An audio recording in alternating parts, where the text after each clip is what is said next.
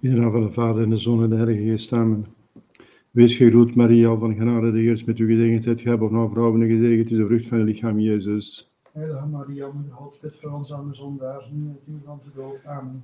Heilige Hart van Jezus, Bid voor u over ons, Heilige Jozef, bid voor ons, onze heilige bewaarders, bescherm ons, onze heilige patronen, bid voor ons, alle lieve heiligen. bid voor ons. In de naam van de Vader en de Zoon en de Heilige Geest, amen. Dierbare gelovigen, we gaan verder met de negende artikel. Ik geloof in, of ik geloof de Heilige Kerk. Allebei. Hier staat, ik geloof de Heilige Kerk, want je moet ze geloven als ze predikt. En ik geloof in de Heilige Kerk, ik geloof in het bestaan van een Heilige Kerk, die door Jezus gesticht is. Dus zoals men gelooft in God, dat er God bestaat enzovoort. Maar ik geloof ook God, ik geloof God. Als God spreekt, dan geloof ik wat hij zegt. Beide. Excuseer.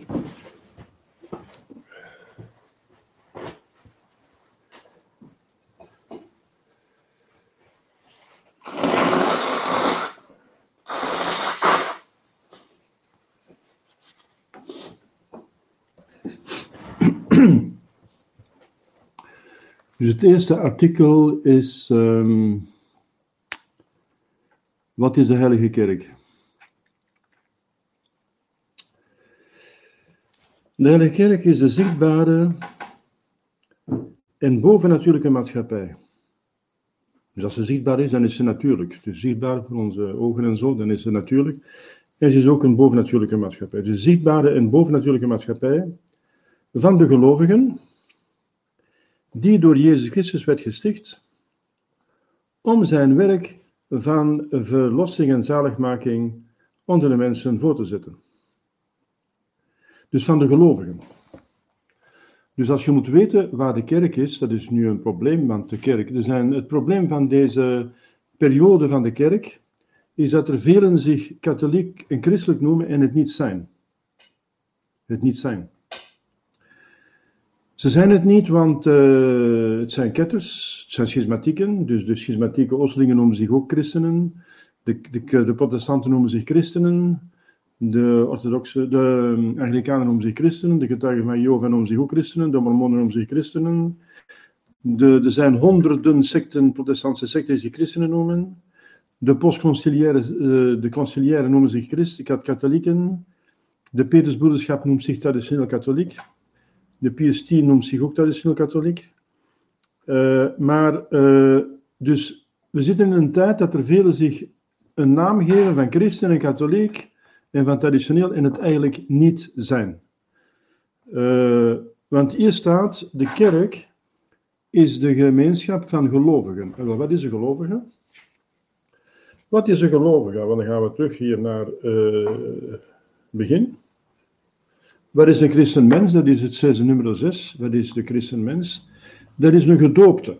Dus je moet uh, al gedoopt zijn, betekent uh, een geldige doopsel, want anders zijn je niet gedoopt. Een gedoopte die de leer van Christus gelooft en beleidt. Aha. Dus als je de leer van Christus uh, verwerpt op de een of punt, zijt je al niet meer christenmens. Daarom zijn de protestanten geen christenmens, want zij verwerpen verschillende geloofspunten. Zoals dat er zeven sacramenten zijn, dat we Maria moeten vereren, dat Maria de moeder van God is, dat ze altijd maagd is, uh, dat er uh, Jezus een paus heeft aangesteld, die opvolgers kan krijgen. Dat kan natuurlijk een pauze zijn in het, in het pauschap, uh, tussen de dood van een paus en de, en de, keuze van een ander. Maar Jezus heeft de bisschoppen het, het priesterschap ingesteld, daar geloven ze allemaal niet in. het vormsel geloven ze ook eigenlijk niet in, dat een onuitwisbaar merkteken geeft. Ze geloven niet in de eucharistische, de, pardon, de evangelische raden. Ze geloven niet dus in het monnikenwezen. Dat raden ze allemaal af. Dat, uh, dat geloven ze niet in. Uh, ze vinden dat het huwen beter is dan maagd blijven, dan uh, ongetrouwd blijven. Enzovoort. Dus allerlei ketterijen, dus een hele reeks van ketterijen. Dus die de leer van Christus gelooft. Wel, zijn de Oosterse schismatieken zijn die, die noemen zich christenen. Hm? Zijn dat christenen? Nee, want ze verwerpen uh, het filioque in de heilige drievuldigheid. Ze geloven niet dat de Heilige Geest voorkomt van de Vader en de Zoon. Uh, ze geloven niet dat uh, in het pauschap. Ze geloven niet dat er een paus kan zijn en moet zijn, normaal gezien. Dus voor hen is de, de, de, de van Rome is gewoon een patriarch van het Westen met een erevoorzitterschap, maar heeft geen gezag over de andere bisschop. Dat is een ketterij dus. Want Jezus zegt uh, aan, aan Petrus, wijd mijn schapen, wijd mijn lammeren. Dus hij staat aan het hoofd van de schapen, dus van de bisschoppen en van de lammeren, dat is van de priesters en van de gelovigen.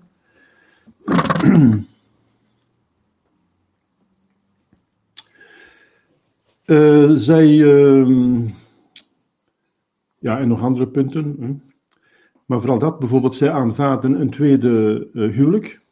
Dat gaat tegen het evangelie.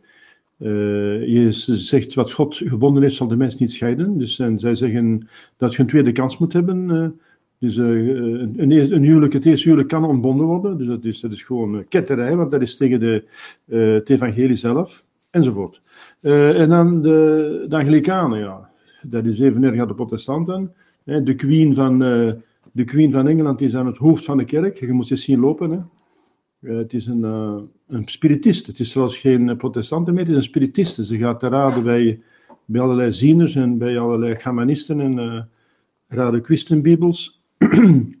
dus bij, bij, bij charlatans. Dus zij, zij, zij is bijgelovig. Zij is het hoofd van de kerk. Amai. Um, en dan nog een vrouw, dus zij kan al niet. Dus, enzovoort. Dus die, die hebben ook. Trouwens, Leo XIII heeft bestatigd, verklaard in de 19e eeuw, dat de wijdingen van de, de ehm, Anglikanen ongeldig zijn. Dus die hebben geen geldige priesters, geen geldige bisschoppen. Dus die zijn ook al geen christen. Want die voldoen niet aan de, de, de definitie van wat is een christen mens. Dan gaat dat maar verder. Eh, wie moeten we nog hebben? De protestanten. Ja, de protestanten hebben we gezien. De uh, getuigen van Jehovah, daar moeten we niet over hebben. Die hebben nog meer ketterijen. Die geloven zelf dat Jezus is de incarnatie van de heilige Michael enzovoort. Er is geen heilige drievuldigheid enzovoort, dus dat is nog erger. Uh, ja, eh, dat zijn allemaal geen christenen. En ze noemen zich christenen. Uh, dan de Petersbroederschap. Ja, de Petersbroederschap, ja, de conciliëren bedoel ik. De conciliëren zijn ook geen christen, want ze, ze aanvaarden ketterijen. Het is bewezen, zwart op wit, het is duidelijk dat Vaticaan II ketters is. Uh, wel, en die, al diegenen die Vaticaan II aanvaarden, zijn dus ketters en zijn dus geen christenmens. Want die aanvaarden, die geloven de leer van Christus niet. Waarom niet? Omdat de kerk leert dat als men één punt van geloof laat vallen, heeft men geen geloof. Dus zegt, ja, maar ze, geloven nog 90 of 95 procent of 99 procent. Maakt niks uit. Als je zegt, God, ik geloof u voor 99 procent en voor 1 procent ben u een leugenaar, dan ligt je buiten. Dus het geloof is alles of niks. En dat weten veel mensen niet. Ja, maar het is toch, Petersbroederschap, ze lopen toch iets zo tanden rond, ze hebben de catechismus, ze zingen Gregoriaans, ze hebben mooie kerken en ze verzorgen het allemaal goed. En het is allemaal met, uh, met dantelletjes en dingen en pomponnetjes op hun, uh, op hun beret en zo. Dat is toch prachtig en zo. En, uh, en ze zijn toch traditioneel en ze doen toch het tijdse mis. Ja, maar ze hebben geen geldig priesterschap. Dus zijn, het is een theater. Dus, dus de conciliaire kerk is geen kerk meer, want het is maar één kerk. Dus dat is ook nog een kwestie. Ze noemen zich allemaal kerk.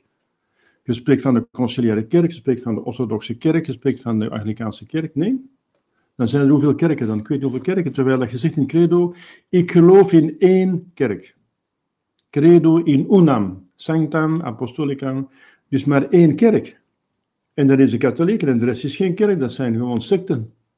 Dat zijn secten, secari, dat komt van secaro zeggen afgesneden. Die hebben zich afgesneden van de kerk. Die zijn afgesneden.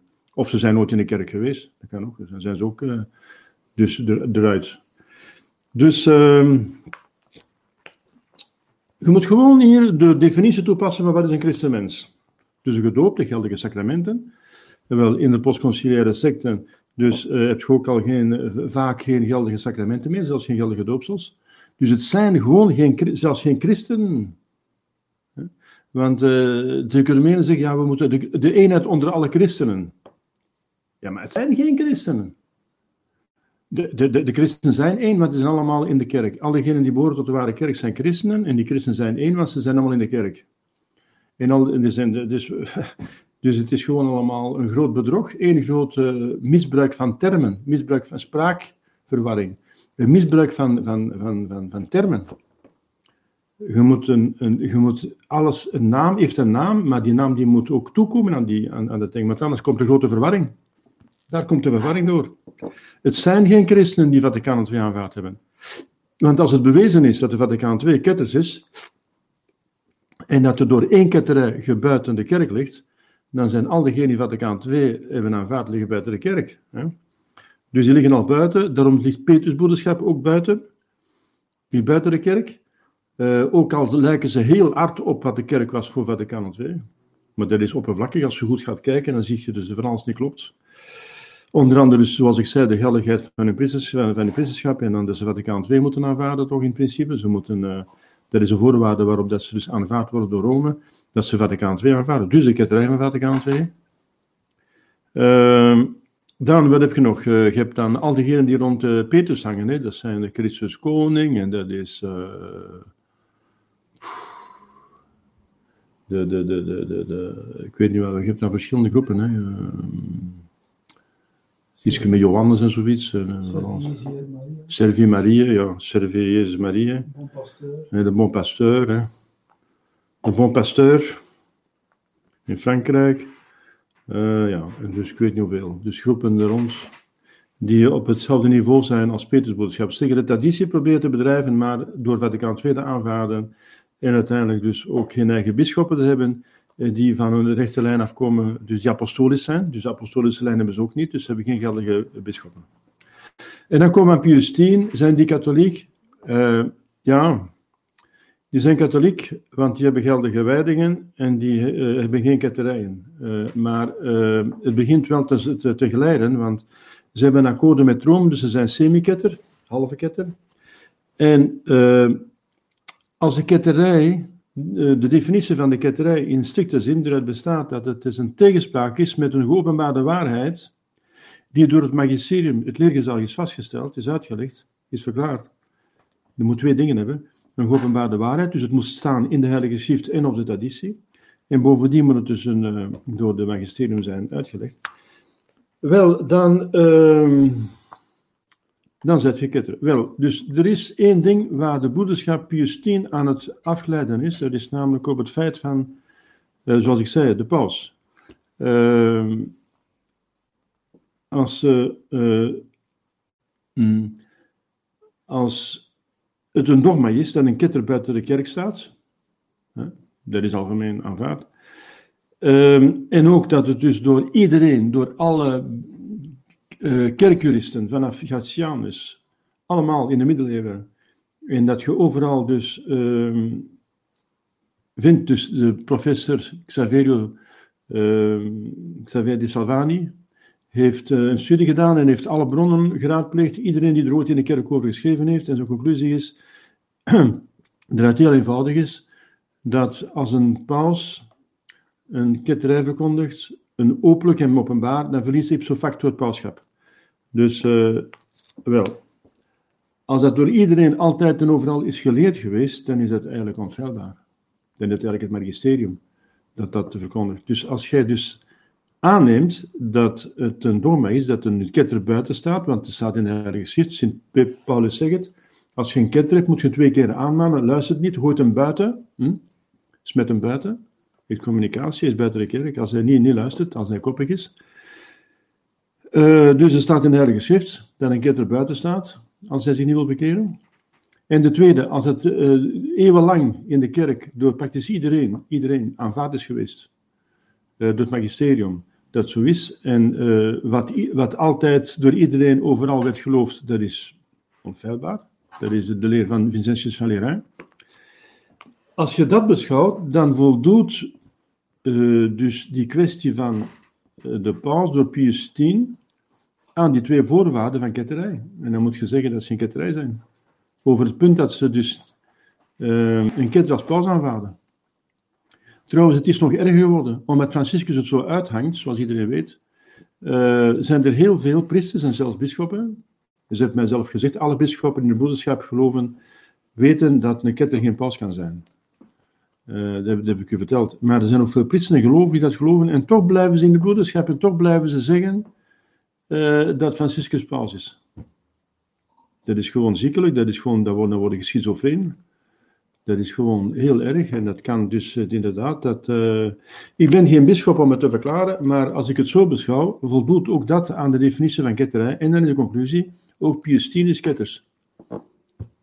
Als je het zo beschouwt. Ja. En dus liggen ze buiten de kerk. Uh, dat is nog een kwestie van uh, al die mensen waar ik over gesproken heb, hè, de, de Anglikanen, de, de Oosterschismatieken, de protestanten enzovoort, en de Petrus en Pius broederschap en consorten. Ik ga nooit de mensen oordelen en veroordelen, individueel. Dat mag ik niet. Jezus heeft gezegd, oordeelt en veroordeelt niet.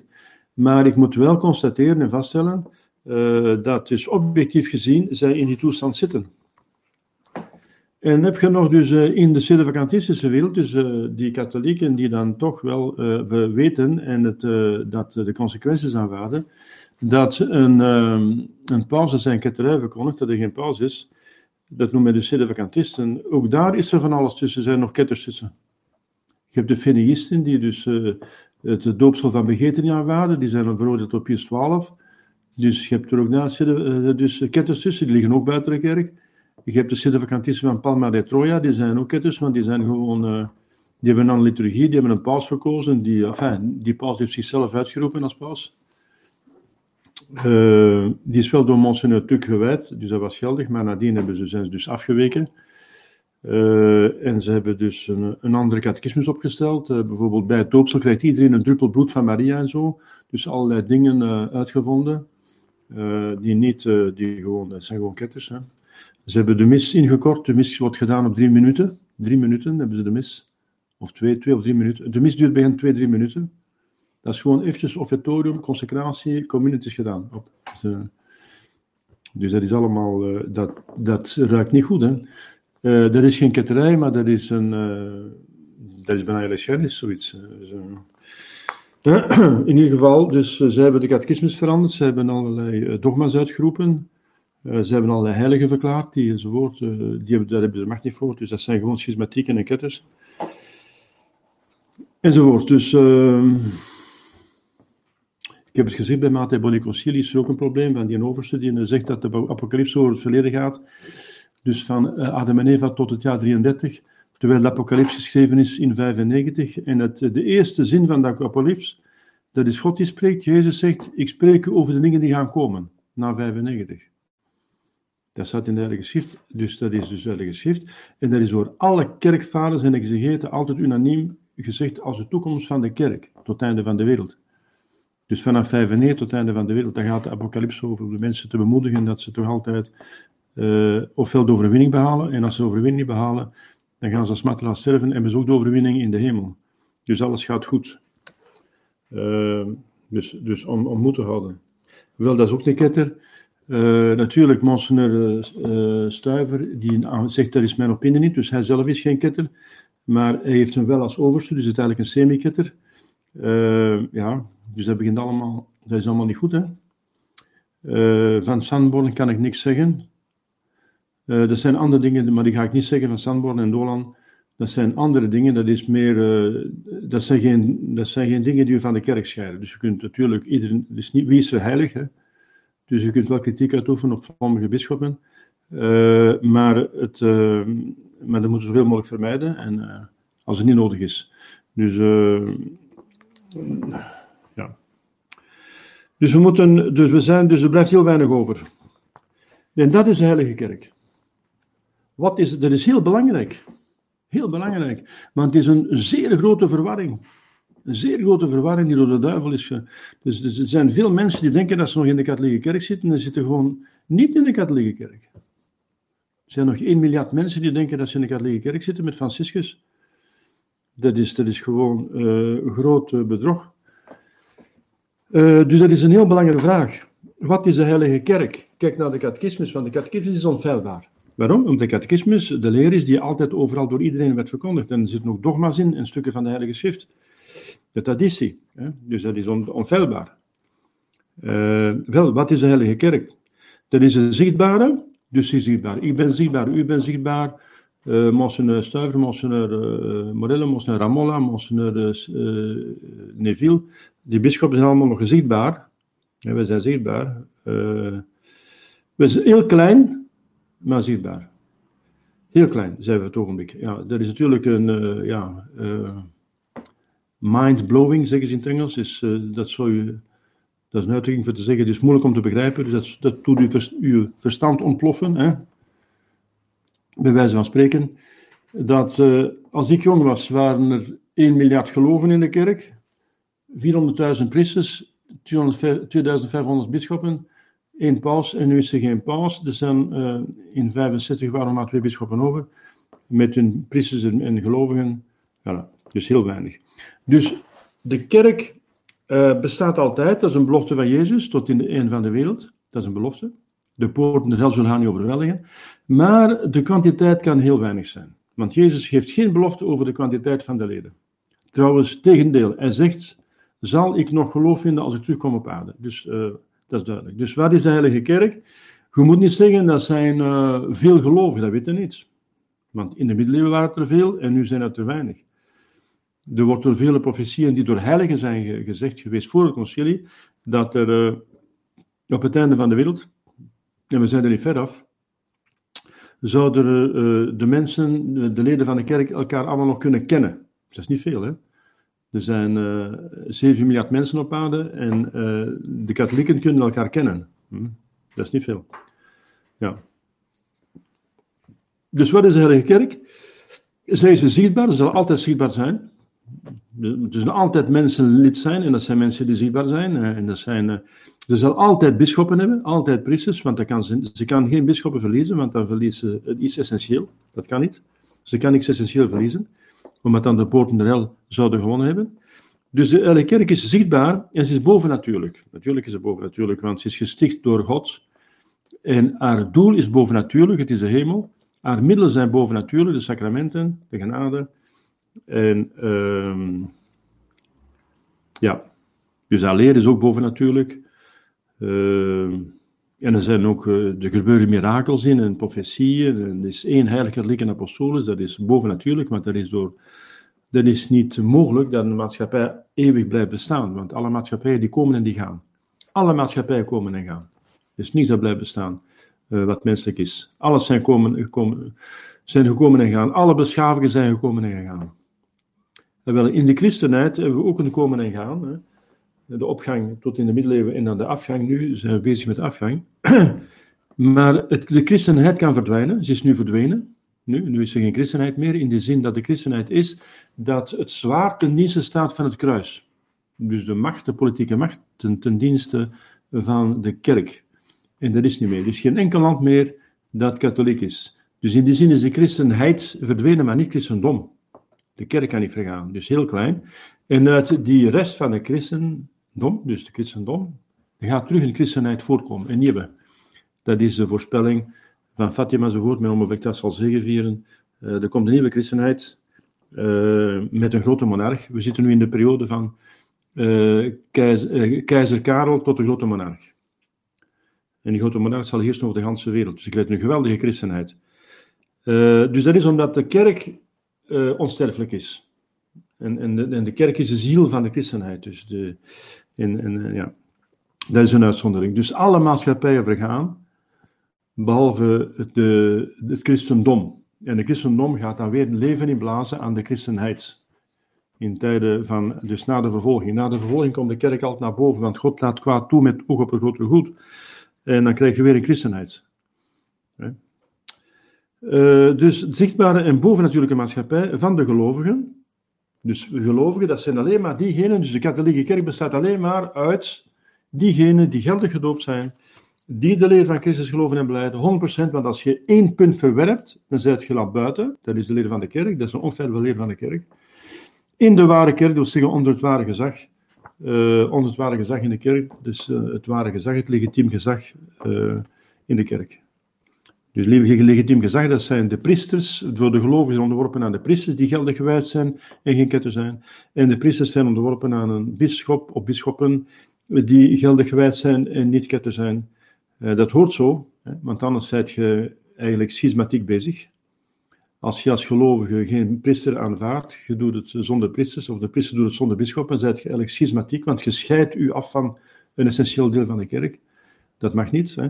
Dus je moet zien dat je ergens met een bischop, uh, met een een bischop uh, werkt, onderworpen bent. En die bisschoppen zouden normaal moeten onderworpen zijn aan een paus, uh, en dat is ze niet. Dus normaal gezien aan een, de, een, een synode van bisschoppen.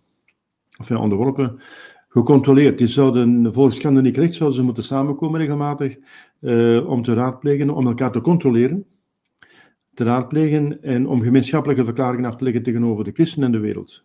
Dat de christen kunnen zien, daar is de kerk. En wel, uh, eigenlijk wordt het te weinig gedaan door onze bisschoppen. Te weinig gedaan. En daar, daar zal God over oordelen. Dus uh, de mee is er zo weinig vooruitgang. Er zijn veel uh, gelovigen, denk ik, en priesters van de broederschap Pius die willen silverkatist worden, maar waar, is, waar, zijn, waar zijn ze? Moeten ze bij mij komen, Pater mij? Ja, uh, ik ben maar een priester met een paar gelovigen hier. Bij wie moeten ze zich aansluiten? Dus dat is een beetje moeilijk altijd. Uh... Dus als je niet doet wat je moet doen, dan leidt de kerk daaronder. De kerk vergaat dat niet, maar ze leidt er wel onder. Ze kan leiden door een slechte paus, kan de kerk leiden, zoals door een heilige paus de kerk een geweldige vooruitgang kan boeken. Hè. Zoals een, onder Pius X was het fantastisch, hè? heilige Pius X. Dus, uh, dus van de gelovigen, van de gelovigen uh, die, door, die door Christus werd gesticht. De kerk van Jezus Christus. Dus niet van Martin Luther, uh, niet van Hendrik de Nachtste, niet van uh, Jozef Smit, die de, wie was de Mormonen heeft gesticht. Hè? Niet van een of andere bietenkwiet. Uh, die denkt dat hij dus een nieuwe kerk mag uh, dus, maar van onze Heer Jezus Christus zelf, we gaan terug op Jezus Christus zelf, werd gesticht met het doel, wat om zijn werk van verlossing en zaligmaking onder de mensen voor te zetten. Dus Jezus heeft dat gesticht uit liefde. De kerk is ontstaan uit liefde, namelijk uit, om te delegeren.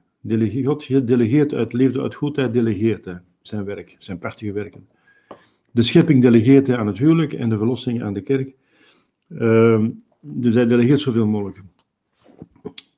Uh, van verlossing en zaligmaking onder de mensen voor te zetten. Dat is het doel. Het doel van de kerk is. Uh, het is, een, het is de kerk is ontstaan uit liefde, hè, want uh, uh, daar wordt gezien dat Johannes onder het kruis stond. En met Maria. En Jezus zegt: Zie daar uw moeder, zie daar uw zoon. Dus Maria wordt de moeder van de kerk, want Johannes vertegenwoordigt de kerk. En er komt water en bloed uit de zijde van Jezus. Water betekent doopsel, bloed betekent het allerlijste sacrament. Dus de, de twee belangrijkste sacramenten komen eruit voort. Dus de kerk wordt als het ware als een vrouw Hè? Want Eva kwam voort uit Adam zijn zijde. Eva werd geschapen, de eerste vrouw werd geschapen uit de zijde van Adam. En wel, bij de verlossing is de, de man, Jezus, die de mensheid verlost, en uit zijn zijde wordt een vrouw geschapen, geboren, geschapen, de kerk. Ja. Want er komt water en bloed uit, wel water is het doopsel. Door het doopsel worden we lid van de kerk. Dus de kerk ontstaat door het doopsel. Dus, want de kerk bestaat uit gelovigen en je wordt gelovigen als je gedoopt bent. Dus om de zalig mag je voorzetten. Ondertussen is hier al één vraag gekomen. Kan u nog eens zeggen wanneer een doopsel geldig is, alstublieft? Want al die doopsels in de conciliaire secte moeten zeggen. Hè? Is maar één kerk.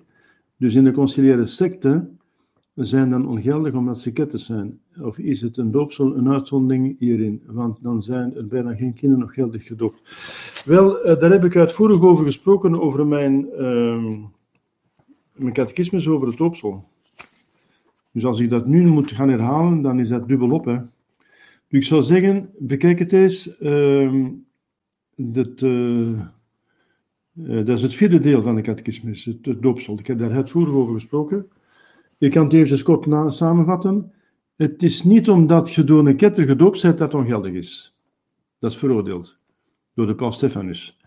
Paus Stephanus heeft de doopsel van de donatisten goedgekeurd, uh, omdat er aan bepaalde voorwaarden wil voldoen. Dus het, maar u laten dopen door ketters is ongeoorloofd.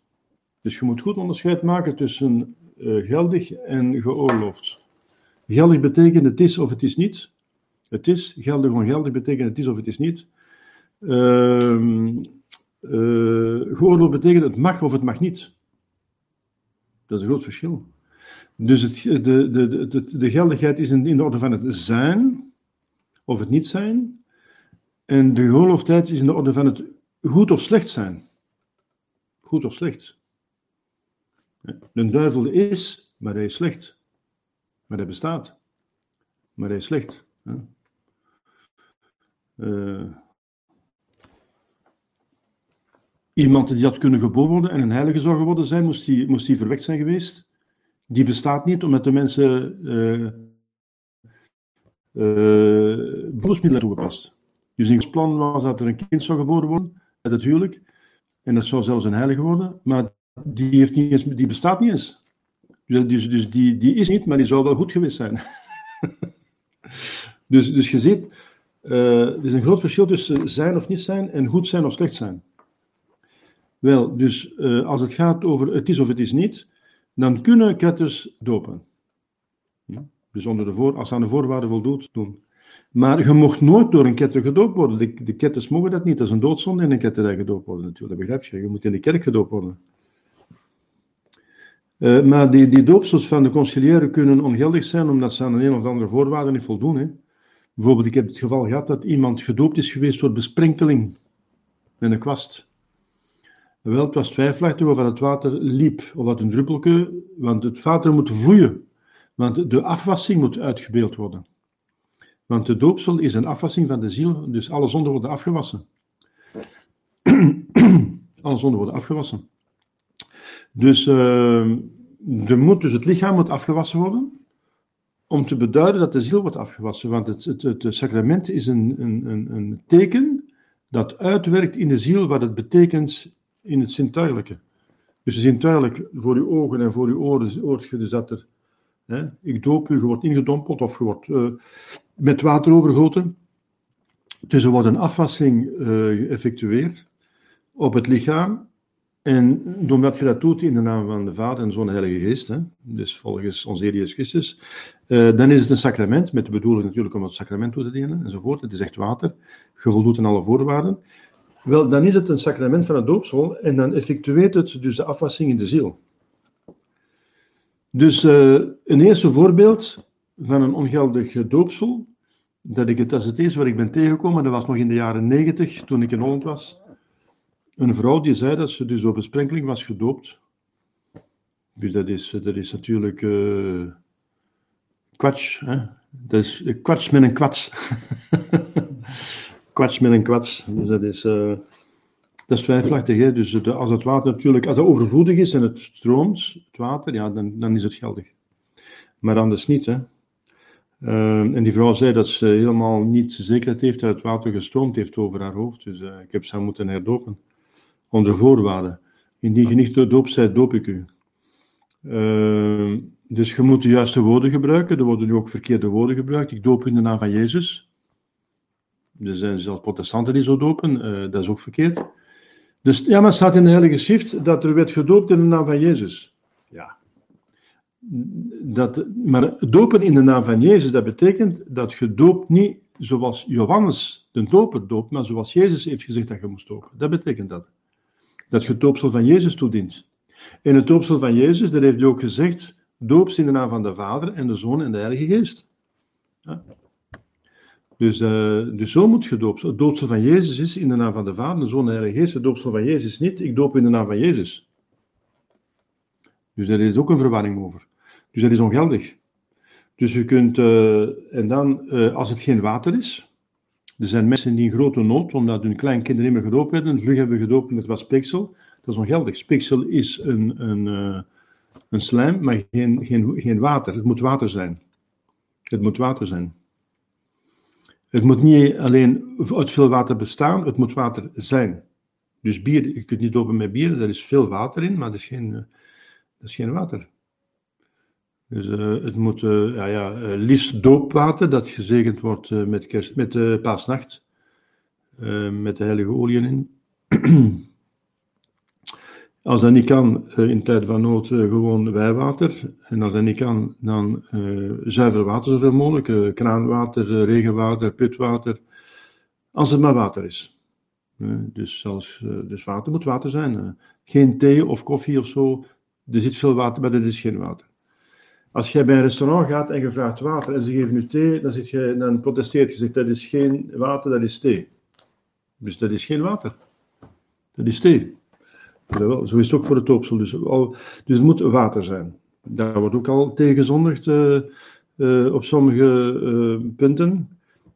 en dan natuurlijk in 2007 heeft ze een verklaring geweest in Rome dat ze dus zeggen dat alle kinderen die gestorven zijn zonder doopsel eigenlijk toch in de hemel zitten. Ja, dus dan bestaat de erfzonde eigenlijk niet meer, of dan is geen doodzonde meer. Hè? Dan hebben ze de erfzonde afgeschaft. Dus als de erfzonde geen doodzonde meer is, wat gebeurt er dan met het doopsel van kleine baby's? Dan, dan is het doopsel niet meer afwassen van zonde. Wat is het dan? Want er is geen zonde meer. En toch geven ze doopsel aan kleine baby's. Dan moeten ze ook aan kleine baby's geen doopsel meer geven. Hè? Maar want, uh, wat is het dan? Ja, dan zeggen ze het is een initiatie in de kerk. Maar dat is niet voldoende. Als je alleen maar de bedoeling hebt om een initiatie te doen in de kerk, ja, dan heb je niet meer de bedoeling om te doen wat de kerk doet. En dat is nodig voor de geldigheid van een doopsel. Dus dan wordt het twijfelachtig, minstens. Uh, ik heb daar uitvoerig over gesproken, uitvoerig over gesproken in mijn uh, catechismus over het doopsel. Dus ga daar nog eens een keer naartoe, want anders is het allemaal dubbel. Hè? Maar ik wil wel antwoorden, maar niet te lang trekken, want we gaan, we blijven, er is een heel belangrijk onderwerp hier, de kerk. Hè?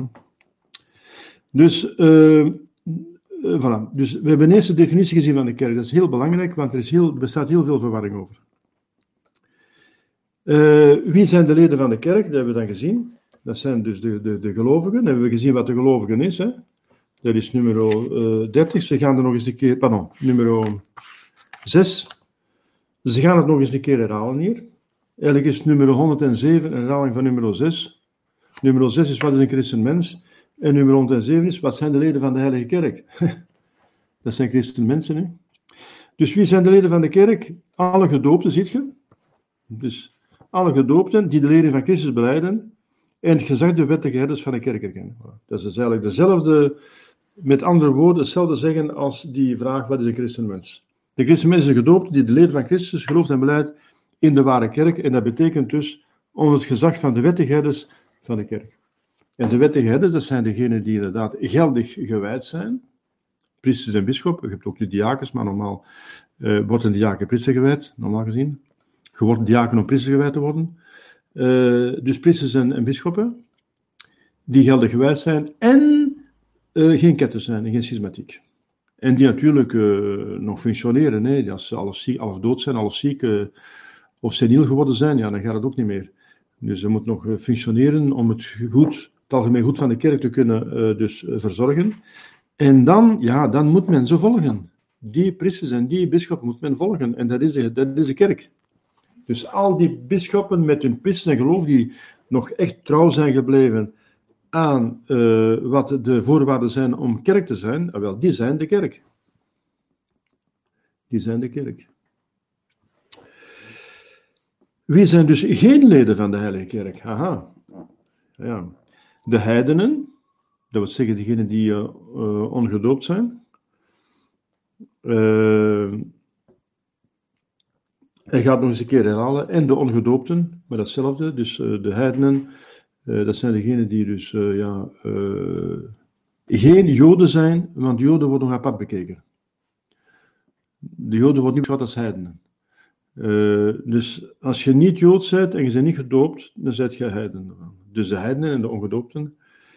Uh, de ongedoopten, je moet ook nog natuurlijk onder de verstaan, degenen die niet willen gedoopt worden of nog niet gedoopt zijn.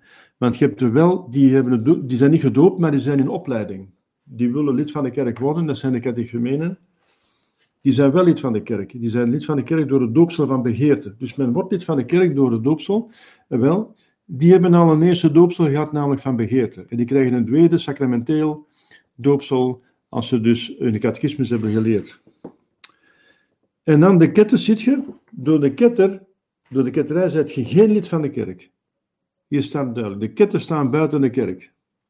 En wat is een ketter? Dat is iemand, ah, daar wordt, uh, wordt ook over gesproken van een ketter is, hè. Ergens. Ik weet niet meer waar, maar ik kan het gerust herhalen. Wat is een ketter? Dat is iemand die één of meer. Ah, dat is bij de, het eerste gebod van God. Want uh, de ketterij is een, is een zonde tegen het eerste gebod van God. Uh, ja. Dus een ketter is een gedoopte, een gedoopte, die één of meer, één of meer uh, punten van uh, het geloof verwerpt. Niet gelooft. Nou, dan zet je ketter. En dan staat je buiten de kerk. Tenminste, als je, als je koppig zet, want als je het niet goed begrepen hebt en zo, en het wordt uitgelegd en aanvaard je, dan zet je geen ketter. Maar als je dus iets gelooft dat verkeerd is, en je bent koppig erin, wel, ook al is maar één punt, zat je buiten de kerk. Wie zijn geen leden van de kerk? Het staat hier in de onfeilbare catechismus. Geen leden van de kerk zijn de ketters. Ja, dus we moeten goed in onze hoofd prenten dat al diegenen die een ketterij aanvaarden, dus buiten de kerk staan. Dus noemt alstublieft die, die leden van die conciliaire secte geen katholieken meer. Hè? Je het liegen. Je beledigt onze lieve neer. Je beledigt God door te zeggen dat Franciscus een paus is, dat die bisschoppen hier, dat dat bisschoppen zijn van de kerk. Ze zijn trouwens geen bisschoppen, ze hebben waarschijnlijk ongeldige wijdingen gehad. Dus, dus uh, Monseigneur van hier en kardinaal van daar en zo, en dan de katholieken van hier en kiezen van daar. Nee, ze zijn niks, nul. Eh, ketters en schismatieken zijn het. En ze behoren niet tot de kerk. Hier, hier staat het. Mocht toch niet liegen? En wel, gebruik de termen waarvoor ze dienen. Anders zijn we verkeerd bezig. Het is al verwarming genoeg. Het is al verwarring genoeg. Ketters, schismatieken. Wat zijn schismatieken? En wel, dat zijn ook gedoopten die na hun doopsel uh, ofwel een echte paus verwerpen, een echte paus verwerpen, ofwel de gemeenschap met de kerk uh, verwerpen. De echte kerk verwerpen. Ja. Uh, dus als er een echte paus gaat komen, moet iedereen hem aanvaarden, of is dat schismatiek. Dus bijvoorbeeld Pius XII was nog een echte paus, dus die moet men aanvaarden en ook gehoorzamen. Er zijn er die hem wel aanvaarden, maar niet gehoorzamen. Ja, dat begint al, die beginnen dan zijn boeken, liturgische boeken, te, te, te verwerpen. Dat is spijtig, want dat is een echte paus en dan moet je gaan gehoorzamen aan een echte paus. Dat is een schismatieke daad, zou ik zeggen. Maar zomaar boeken te verwerpen en ongehoorzamen het is geen schisma, maar het ruikt naar schisma. Als je zo niet naar een paus luistert. De echte paus. De afvalligen. De afvalligen, dat is nog erger. Dat is een gedoopte die de ganse godsdienst laat vallen. De ganse godsdienst laat vallen. Bijvoorbeeld Franciscus is een afvallige, want die heeft Pachamama, een, af, een, een afgod aanbeden. Trouwens, in de basiliek van, uh, van Sint-Petrus. Heeft ze daar gezet en uh, werd bewierookt en er werden gebeden voor gedaan. Uh, dus een, een afgod aanbidden en vereren, dat is dus een daad van afvalligheid. Dus Franciscus is niet alleen een ketter, want je kunt zeggen dat hij geldig gedoopt is, dus een geldig gedoopte. Uh, een, een, maar een ketter, want hij aanvaardt Vaticaan II en heeft ook allerlei ketterijen verkondigd. Hè. Dus hij heeft allerlei dingen gezegd, dus die, uh, dat de atheïsten niet, zich niet moeten bekeren, dat ze zo ook wel naar de hemel gaan en zo. Dus allerlei dingen gezegd. maar het is zelfs een afvallige of apostaat. Dus apostaat is eigenlijk, de, het komt van het Griekse woord, uh, apostasie. Apo wil zeggen uh, naar beneden, sta wil zeggen uh, zijn, staan, of gepositioneerd zijn. Dus als je naar beneden gepositioneerd bent, wil zeggen zij afgevallen. En degenen die door de kerkban zijn uitgestoten, dus excommuniceerden, door een ex excommunicatie. Dus door een, uh, een, door een abortus, dat wordt, krijg je excommunicatie. Als je uh, hosties laat op de grond werpt, bijvoorbeeld de handcommunie. Als door de handcommunie systematisch stukken op de grond vallen, ja, dan, en die, die hebt een geldige consecratie, dan krijg je eigenlijk een excommunicatie van stukken hostie, geconsecreerde op de grond werpen, geeft een automatische excommunicatie. Dus handcommunie kan een oorzaak zijn van excommunicatie. Dus, uh, als, maar ja, er, wordt ook al, er worden geen geldige missen meer opgedragen, want er zijn geldige vissers meer. Maar in het begin in de jaren 60, 70, of wanneer het begon in de jaren 70, 80, dan waren er nog veel geldige priesters die nog voor concilie gewijd waren. heb je dus veel heiligschennissen gehad met de hostie. En systematisch vielen die stukjes op de grond, die anders door de pateen worden opgevangen. door het communieschaaltje enzovoort. Die vallen gewoon op de grond. Waarvoor niet dat communieschaaltje anders. Dus we zien trouwens af en toe stukjes erop liggen en die vallen gewoon op de grond. Dus je weet zeker, als je geen communieschaaltje gebruikt en geeft de communie, gaat er zeker een stuk op de grond vallen en dat wordt vertrappeld. Dus dan zijt je dus eigenlijk excommuniceerd. Dus, uh, enzovoort. Er zijn excommunicaties op het uh, lidmaatschap van de vrijmetselarij, maar tegenwoordig zijn er zelfs uh, drie loges gevestigd in het Vaticaanstad zelf. Waar zijn we mee bezig? Voilà. Dus dat zijn dus geen leden van de kerk. Dus noemt hij nooit meer katholiek of christen. Of we zijn het liegen. Moet toch niet liegen, dat is ook een zonde. Hier is nog een lange vraag. De gewone gelovigen. Ja, of zijn gewone gelovigen, ja. Dat wil zeggen, gelovigen, zoals het hier staat, dat zijn gewone gelovigen. Hè? Zoals het hier staat, dat zijn gewone gelovigen. Die hun geloof trouw praktiseerden voor het Tweede Vaticaans Concilie, ja, werden automatisch uh, het Tweede Concilie ingeleid. Met of tegen hun zin, ja, dus ik was erbij. Ik was erbij. Uh, de velen, praktisch allemaal, hebben uit gehoorzaamheid gedaan, ja en zagen met ledenogen het verval in de kerk aan. Ja, en dan zijn we gaan nadenken, waar komt dat van? Want alles heeft een oorzaak. Uh, aan de boom kent je de, de, de, aan de vruchten kent je de boom. Dan hadden we moeten denken, als het een verval is, wat is de oorzaak dan? Normaal is de, kerk niet in verval. Want dat is van God. Dus eh, God is niet uh, oorzaak van verval. De duivel is groter van verval men kan de oprechte gelovigen toch niet verwijten. Ja, maar dan hadden die oprechte gelovigen al moeten gaan nadenken. Hè? Als ze verval zien, zeggen ze: oei, oei, wat, klopt er iets niet. En wie zoekt, die vindt. Op dat moment moeten ze gaan zoeken. Ze zijn verplicht om te gaan zoeken. Ze mogen niet dat op het beloop laten. Ja, ik trek me niet van aan. Ik blijf naar naartoe gaan. Uh, alles is in verval, maar ik dat, is, dat is niet in orde. Dat is niet uw zaak ter harte nemen. Dan, dan Jezus zegt, pas op, want er zijn wolven in schaapskleren. Er zullen herders komen in schaapskleren. Er zullen vaste profeten komen. Hij heeft ze verwittigd. Dan zijn ze niet in orde. Dan zijn het geen oprechte gelovigen. Dan zijn het onoprechte gelovigen. dan zijn het luie, eh, onvoorzichtige, lauwe gelovigen. Dat is niet in orde. En die krijgen een koekje van eigen brood. Toch niet verwijten. God zal ze oordelen, maar het is niet in orde. Wie zoekt, die vindt velen massaal afhaakten. Dat is ook niet, dat is ook niet in orde. Dat is ook niet in orde. Uh, het is niet omdat je iets verkeerd ziet dat je niet meer in de kerk moet geloven. Dan moet je zeggen: de kerk, ik geloof in de kerk. Ik geloof in de kerk, ik geloof in God, dus ik geloof in de kerk, maar dat staat hier in de catechismus. Ik geloof in de kerk. Dus als hier de kerk in verval is, dan is ze ergens anders niet in verval, want de kerk kan niet vergaan. Dat is de redenering die ze moeten volgen, als dat goede gelovigen zijn. Uh, massaal afhaakten. Ja, maar dat is te gemakkelijk, hè? Natuurlijk, uh, wie gaat ze oordelen? Ik niet, maar het is niet in orde natuurlijk. Hun heil op verkeerde plaatsen gingen zoeken, of gewoon hun geboortekerk trouw bleven en met bloedend hart hun kerk zagen leeglopen. Oh ja. Maar ja, dus uh, uiteindelijk in 76 was Mons Lefebvre over de hele wereld gekend. Met uh, de hete zomer. In 76 stond hij in alle kranten. Want mijn moeder zei, ah, er is nog een bisschop en die doet de misgelak als vroeger en dat moet nog goed zijn. Uh, dus Mons Lefebvre was sinds 76 al over de ganse wereld gekend. Overal, overal, eerst stond in alle kranten. En dan kun je niet meer zeggen dat je niet weet van een goede bisschop die nog zegt hoe het moet. Op dat moment hadden de, de gelovigen zich moet, Mons moeten scharen. Dat is nog een bisschop die het goed meent, die het goed zegt. Ja. Dus, uh, voilà. Zo is het, want dat is de bedoeling van God geweest. Hè. De kerk kan niet vergaan. Uh, dus met de ketterij van Paulus 6 in uh, eh, 65, die hij afgekondigd heeft in een concilie, uh, hebben dus 1 miljard gelovigen, 400.000 priesters, 2500 bisschoppen hem gevolgd, behalve twee bisschoppen met hun priesters en gelovigen. En die bisschoppen, die ene was in, in Brazilië, in Campos, en de ganse bisdom is bewaard gebleven, is katholiek gebleven. En Mons Lefebvre is beginnen actie voeren. Tot hij in 76 gekend is door iedereen.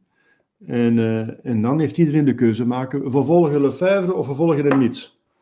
we volgen Jezus en God of we volgen de, de, de ketter, Paulus 6 en de vrijmetselarij en een duivel. Op dat moment moet je de keuze maken.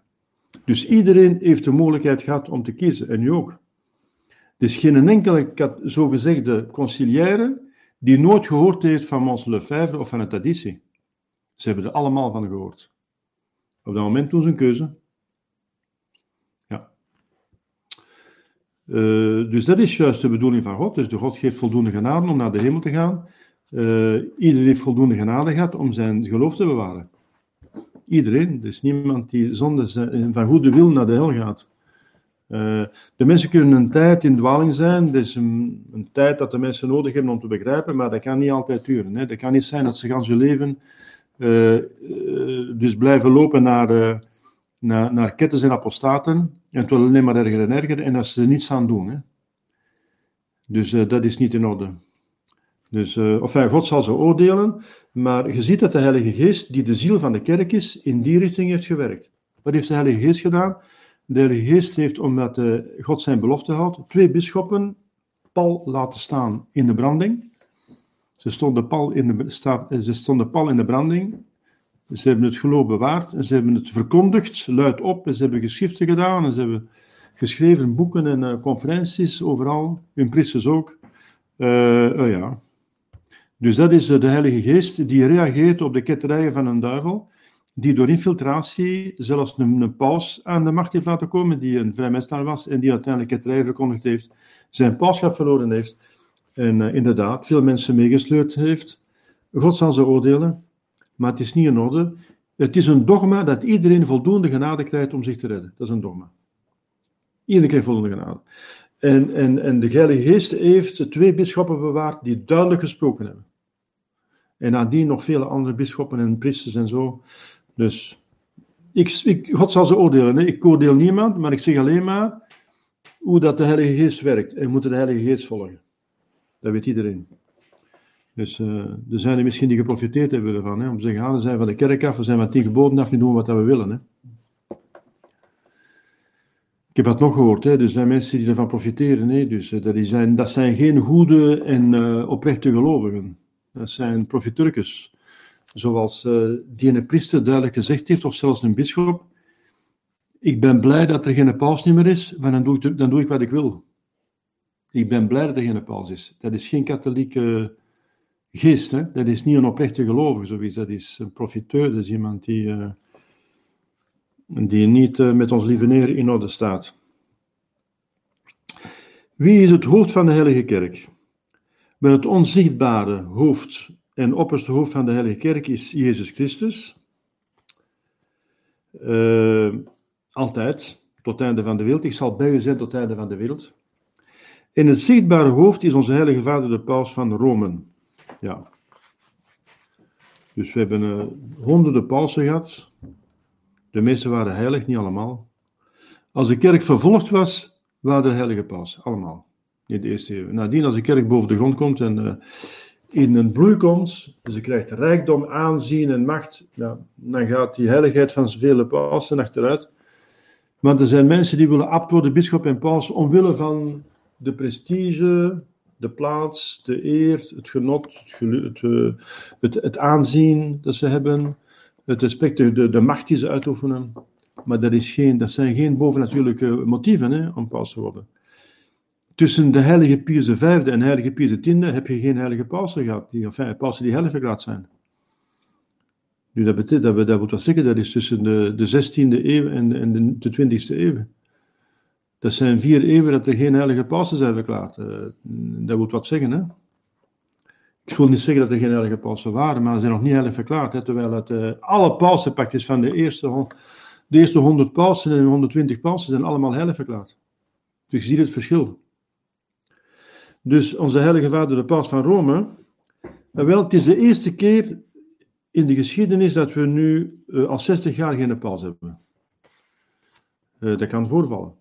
Dus het heeft soms wat meer of langer geduurd, soms jaren geduurd. want een paus verliest zijn pauschap door vijf oorzaken. Door het overlijden, dat is de meest voorkomende oorzaak. Dan heb je de troonsafstand. Dat is een paar keer gebeurd. Bijvoorbeeld paus Celestinus heeft maar zes maanden geregeerd. Daarna wou hij er vanaf, want hij wou bidden als kluizenaar. Hij dacht dat hij heiliger ging worden als kluizenaar dan als paus. Dus hij, wou, zegt, ik heb zoveel te doen dat ik te, weinig kan bidden en ik wil meer bidden. En heeft troonsafstand gedaan en dat is geldig. Trouwens, uh, paus Syrië heeft ook verschillende keren troonsafstand gedaan. Dus er is een paus gekozen in conclave van 58 en uh, 63 is er uh, kardinaal Syrië gekozen geweest, volgens heel veel bronnen. En die heeft binnen een conclave troonsafstand gedaan, dus dat is geldig. Uh, ook al is het onder druk gebeurd, maar heeft dat nadien ook uh, Johan de 23 en Paulus VI aanvaard als paus, zoals iedereen, heeft geen protest aangetekend. Dus, dus dat is geldig. De troonsafstand is dus zelden, maar is, is geldig. Een andere oorzaak is uh, demen, uh, dus uh, krankzinnigheid. als de paus wordt, is meestal een oudere man die veel wijsheid heeft en veel kennis. En als die natuurlijk begint te dementeren, ja, dan is het ook gedaan. Want je moet een, een wereldkerk kunnen leiden, je moet, je moet verstand hebben wij hebben. Hè. Dus door, de, door krankzinnigheid verlies je pauschap, dan door één publieke ketterij. Of meer verlies je ook automatisch je pauschap. Ipso facto. Dat is geleerd geweest door alle kerkvaders. Zelfs door het concilie van Vaticanum I, dat onfeilbaar is. Daar wordt de vraag gesteld. Uh, stel voor dat een paus een ketterij verkondigt. Maar er zijn veel pausen die op het randje dingen gezegd hebben, zoals paus Honorius, Liberius. Ketterij bevorderende dingen gezegd hebben. Maar geen ketterij in strikte zin van het woord. Dus in de, 20, in de 19e eeuw, heb je het op het einde van de 19e eeuw, in 1870, het eerste concilie van het Vaticaan, dat onfeilbaar is, dat ook de onfeilbaarheid van de paus heeft afgekondigd. En er wordt de vraag gesteld, ja, maar stel je voor dat een paus een ketterij verkondigt.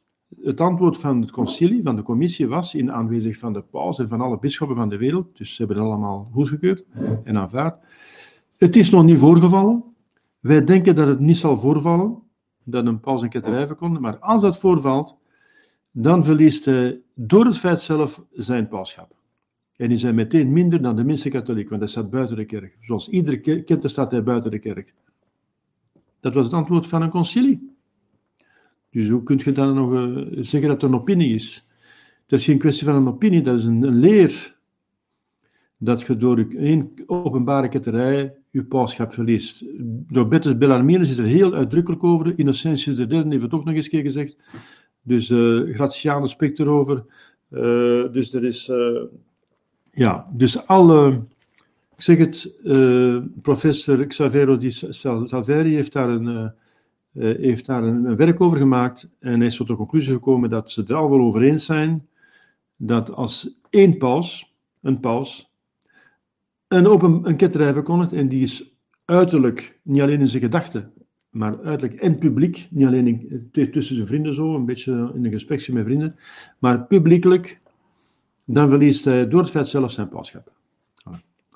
En wel, dat is gebeurd voor de eerste keer in de geschiedenis door Paulus VI, in 21 november 64. Ja. En daarin is het ook niet meer gebeurd, want alle degenen die nadien komen zijn geen pausen. Dat zijn geen pausen. Dus ze, zijn dus, uh, ze waren al ketten voor dat ze paus. Dus Johannes, uh, uh, Paulus I, Johannes Paulus II. Uh, uh, we hebben Raadsingen gehad, Benedictus XVI, we hebben Franciscus. Dat zijn allemaal geen pausen. Want die waren al ketter voordat ze paus werden verkozen. Die zijn, die hebben ook, die zijn ook gekozen geweest door antikardinalen. Dus kardinalen die allemaal Vaticaan II hebben aanvaard, dus geen kardinaal zijn, maar antikardinalen. Dat is een term van het concilie van Constans. Die zeggen dat kardinalen die gecreëerd, genomineerd zijn, genomineerd, dus aangesteld zijn door antipausen, zijn antikardinalen, die hebben geen macht. Het zijn ketters, want ze hebben Vaticaan II aanvaard, ze hebben geen enkele macht, dus ze kunnen geen enkele paus kiezen. Dus er is maar één paus die een echte ketterij verkondigd heeft, dat is Paulus VI. Die was paus van door de ganse kerk aanvaard, 100%. De kerk kan zich niet vergissen. Eh, de poorten hel zullen aan niet overweldigen. Er eh, was een, een paus uh, maar uh, heeft zijn pauschap verloren door een publieke ketterij. En nadien heb je geen pausen meer gehad. Want al diegenen die nadien komen zijn antipausen, zijn ketters, zijn schismatieken. Zijn, nu heb je zelfs een, een apostaat, een afvallige. Franciscus. Uh, dus totdat er een paus gaat komen. Hè, want Het sedevacantisme is niet uh, eeuwig, dus dat is, uh, het, is het is niet normaal. Het staat dus haakjes wel in de profetie van Malachias. De 112e uh, profetie zegt in persecutione, dat is de afkorting van persecutione extrema, SRE, dat is de afkorting van Sancta Romana Ecclesia, cedebit, punt. Dat is een regel, punt aan de lijn. En dan komt Petrus Romanus, een grote paus. Dus dat is de enige regel van de ganse serie van de uh, profetieën van de heilige Malachias, waar er geen paus genoemd wordt. Dus als je dat vertaalt en SRE is een nominatief, dus het onderwerp van de zin, dan zeg je, uh, de heilige Roomse kerk zal in een zware vervolging zitten. Punt. Daar, zit, zitten we nu volop in. We zitten in een zware vervolging, want waar, waar zijn de gelovigen, waar zijn de priesters, waar zijn de bisschoppen, waar is de paus? En, en ik word vervolgd, ik heb al in het gevangen gezeten, ik, heb, uh, ik, ik, ben al door de politie gehinderd geweest in mijn, uh, in mijn paaswaken, mijn, uh, mijn, enzovoort. Dus de christenen worden bloedig vervolgd door de islam, ze zijn vervolgd geweest door het communisme bloedig. We zijn in een zware vervolging. We zijn in een zware vervolging, want uh, je vraagt u nog af, waar is de kerk? Waar, waar is de kerk? Hè? Uh, waar zijn onze priesters, waar zijn onze bisschoppen? We zijn in een zware vervolging. En wel, dat is de 112ste profetie, die ook verkeerd wordt uh, vertaald. Hè? Ze laten dat punt vallen en ze, ze zeggen, ze vertalen het verkeerd door te zeggen, in de, een zware vervolging, een extreme vervolging van de katholieke kerk, zal zetelen Petrus Romanus. Dat wil zeggen, ze laten de punt weg en aan de regel, ze maken die aan elkaar vast, die twee regels. Dus dat klopt niet. En ze maken van SRE, dus de Heilige Kerk, de genitief in plaats van een nominatief. In plaats van zeggen de kerk zal zitten, zeggen ze de kerk is onderwerp, zeggen ze in de vervolging van de kerk, dus van een, genitief. De verkeerde vertaling. Ja, ze proberen alles te vervalsen. Maar uh, we zitten nu in een tijd zonder Heilige Vader, maar we krijgen een buitengewone paus. Alle profetieën zegt van heilige voor concilie. We krijgen een, een buitengewone monarch en een buitengewone paus. En die gaan een christenheid doen erop leven. En de heilige Benedet zegt dat het zou gebeuren in de eerste helft van de 21ste eeuw. Dus we zijn er niet ver af. Ik denk dat het zal zijn tussen 2033 dat het serieus gaat beginnen. Want dan zijn we in het 2000ste jaar van Pinksteren. En God houdt rekening met data. Volgens mij gaat het dan gebeuren. Het nieuwe Pinksteren voor de kerk. De kerk komt open, sterk getuigenis, geen schrik meer van vervolgingen. Dus eh, ondanks de vervolgingen toch expansie enzovoort. Het zichtbaar hoofd is onze heilige vader Paus. Wat is de paus van Rome? Dat is de wettige opvolger van de heilige Petrus die de plaatsvervanger is van Jezus Christus op aarde, de algemene vader van de herders en van de gelovigen. Ja. Dus de paus die heeft alle macht. De paus heeft alle macht om te besturen, alle bestuursmacht. De, de, hij heeft niet alle ordensmacht, want de ordensmacht die moet hij delen met de bisschoppen. Dus hij is een bisschop van Rome. Dus je hebt twee hiërarchieën in de kerk. De hiërarchie van de orden, van de orde, van de priesterschap, en de hiërarchie van, de, eh, van eh, het gouvernement, van eh, het bestuur, bestuurshierarchie. Die van de orde, dat begint met de eerste graad, dat is clericus. Door de kruisschering, en dan krijgt een sultan, wordt je clericus. Daarna moet je studeren en dan krijg je een eerste wijding, uh, koster, als wijding. Dat is de eerste graad van priesterschap. Tweede graad is uh, lector. Dan kun je al lezingen doen, bijvoorbeeld uh, de lezingen van uh, Palmezondag, de lezingen van, van de, de paaswaken enzovoort. En je kunt al vruchten zegenen, je kunt al bepaalde zegeningen doen. Dan de, de derde lagere wijding is exorcist. Dan heb je dus de macht om de duivel te verdrijven. En dan de vierde wijding, lagere wijding, is acoliet. Dan kun je al actief deelnemen aan de liturgie, uh, dus eh, acolytus, en dan uh, bezighouden met water en wijn en bel enzovoort, liturgie. En dan krijg je de hogere wijdingen in die hiërarchie, subdiaken, En die, mag al, die belooft al niet meer te trouwen en die moet breviert bidden. En die heeft nog een, een actievere functie, die, die, die, die, die vervult de rol van de priester-slachtoffer. Want de priester is offeraar, maar hij is ook slachtoffer. Jezus was priester, of, offeraar, maar ook slachtoffer. Aan het kruis was Jezus tegelijkertijd priester en slachtoffer. En wel, de priester moet ook aan die rol deelnemen. Als subdiaken wordt hij slachtoffer. Dus hij moet een inwendig leven hebben van, van versterving en boete.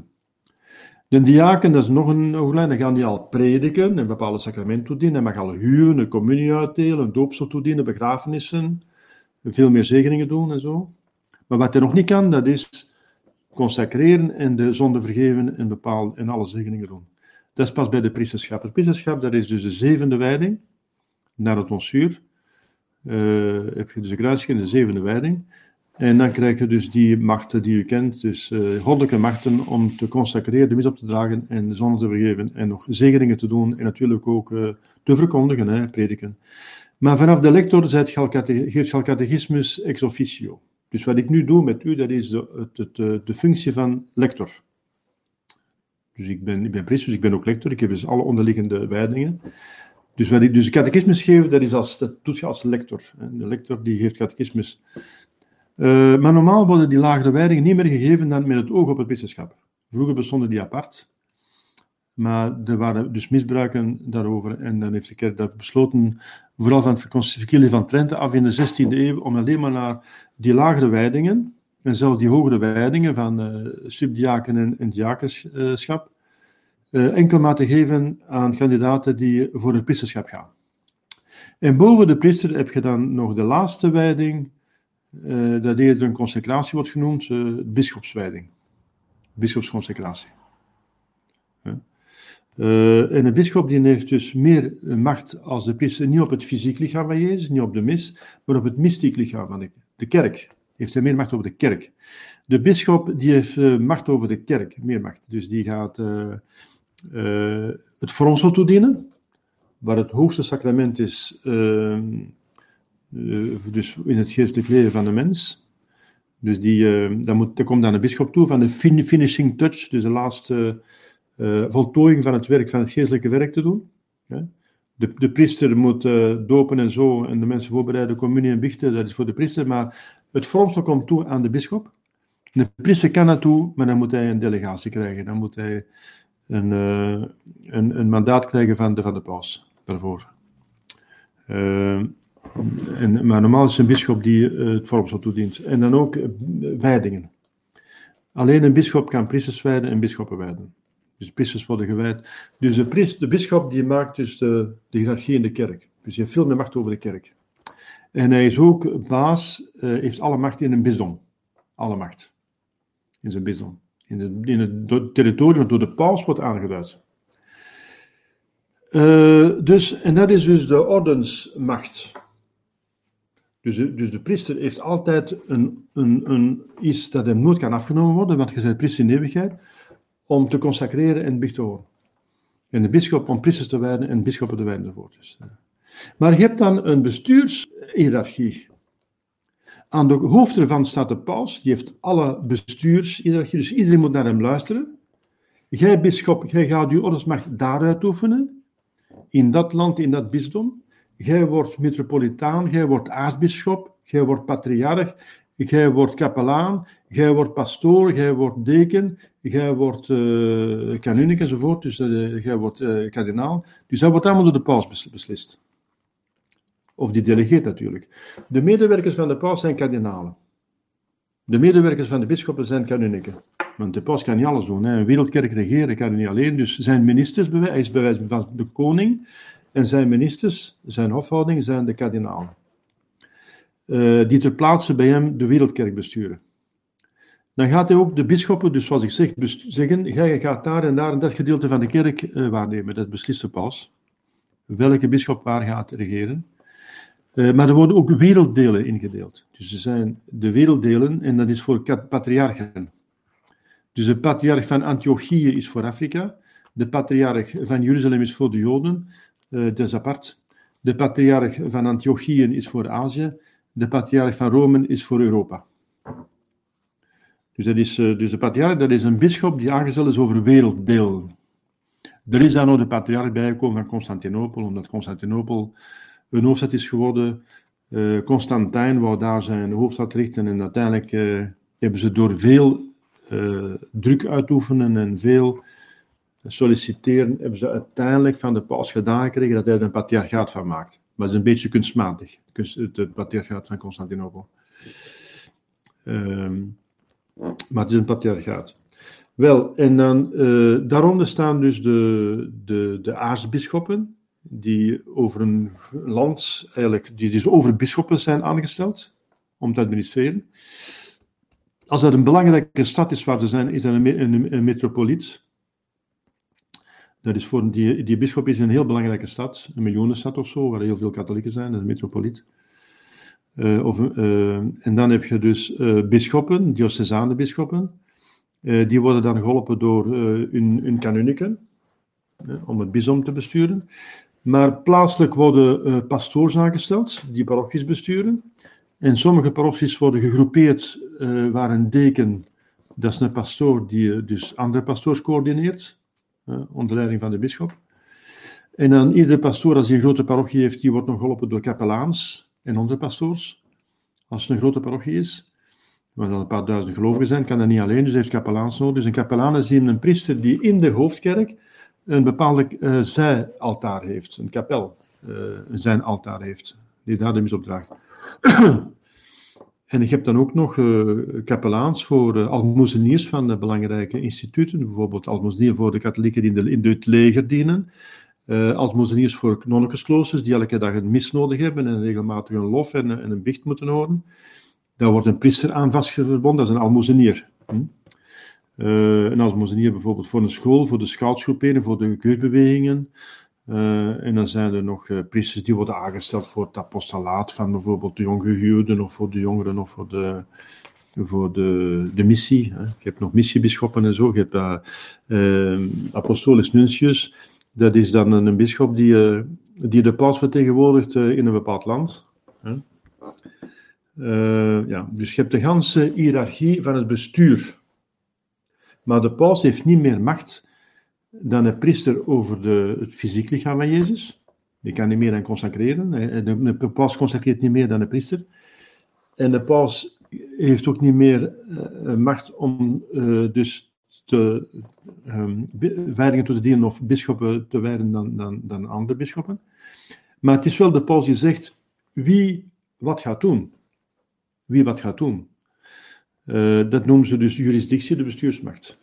Dat is heel belangrijk. Dus alle bestuursmacht komt van de paus, want de kerk is eigenlijk een monarchie. En uh, dat is goed, want dat maakt de eenheid in de kerk. Dus de, de, paus zorgt voor de eenheid in de kerk. En uh, dat is een beetje dus de uitleg. Maar omdat we nu geen paus hebben, hebben we wel dus die ordensmacht, maar niet meer die bestuurshierarchie hebben we eigenlijk, uh, die gewone normale jurisdictie, dus bestuurshierarchie is onbestaande geworden. Want een kerk en een apostaat, die heeft geen jurisdictie. Die heeft geen bestuursmacht. Dat is ook logisch. Als je buiten de kerk staat, heb je in de kerk niks te zeggen. Dus door een ketterij verliezen paus en de bisschoppen allemaal hun jurisdictie, hun, zeggingschap. En omdat de kerk altijd zal blijven voortbestaan, uh, en een maatschappij per definitie en per essentie een, een bestuur nodig heeft, want er bestaat geen maatschappij zonder, zonder autoriteit, en de kerk is een maatschappij. Wel, tot de maatschappij behoort dat men een, een, een hiërarchie heeft. En wel, die hiërarchie die komt door het principe van devolutie, devolutie neer op de eerste in rang die wel goed functioneert. Dus alle pauselijke macht, die bestaat niet meer uh, het ogenblik. De kardinalen zijn er ook niet meer, het zijn allemaal ketters. De uh, diocesane bisschoppen bestaan ook niet meer, want het zijn allemaal ketters. Uh, dekens, kapelaans, patriarchen. Van die ganse bestuursadministratie bestaat er niks meer. Het zijn allemaal ketters. Maar het gaat niet verloren, want anders zou de kerk geen maatschappij meer zijn, maar een, een massa. Een massa gelovigen, zonder bestuur, in de chaos. Dat kan niet. Dus uh, de bestuursmacht van paus, kardinaal enzovoort, uh, die, die de hoogste zijn in de kerk, die komt neer op de eerste in de rang, en dat zijn dus bisschoppen, die geldig gewijd zijn geen ketter zijn, die krijgen dus door, uh, door, door dus devolutie, het principe van devolutie, krijgen ze dus alle macht die nodig is om de kerk te doen functioneren. Dus die, die, die handelen eigenlijk als diocesane bisschoppen. Dat noemen we dan juridictie van suppletie, van vervanging. Dat God, die rechtstreeks van God komt, door de noodzaak.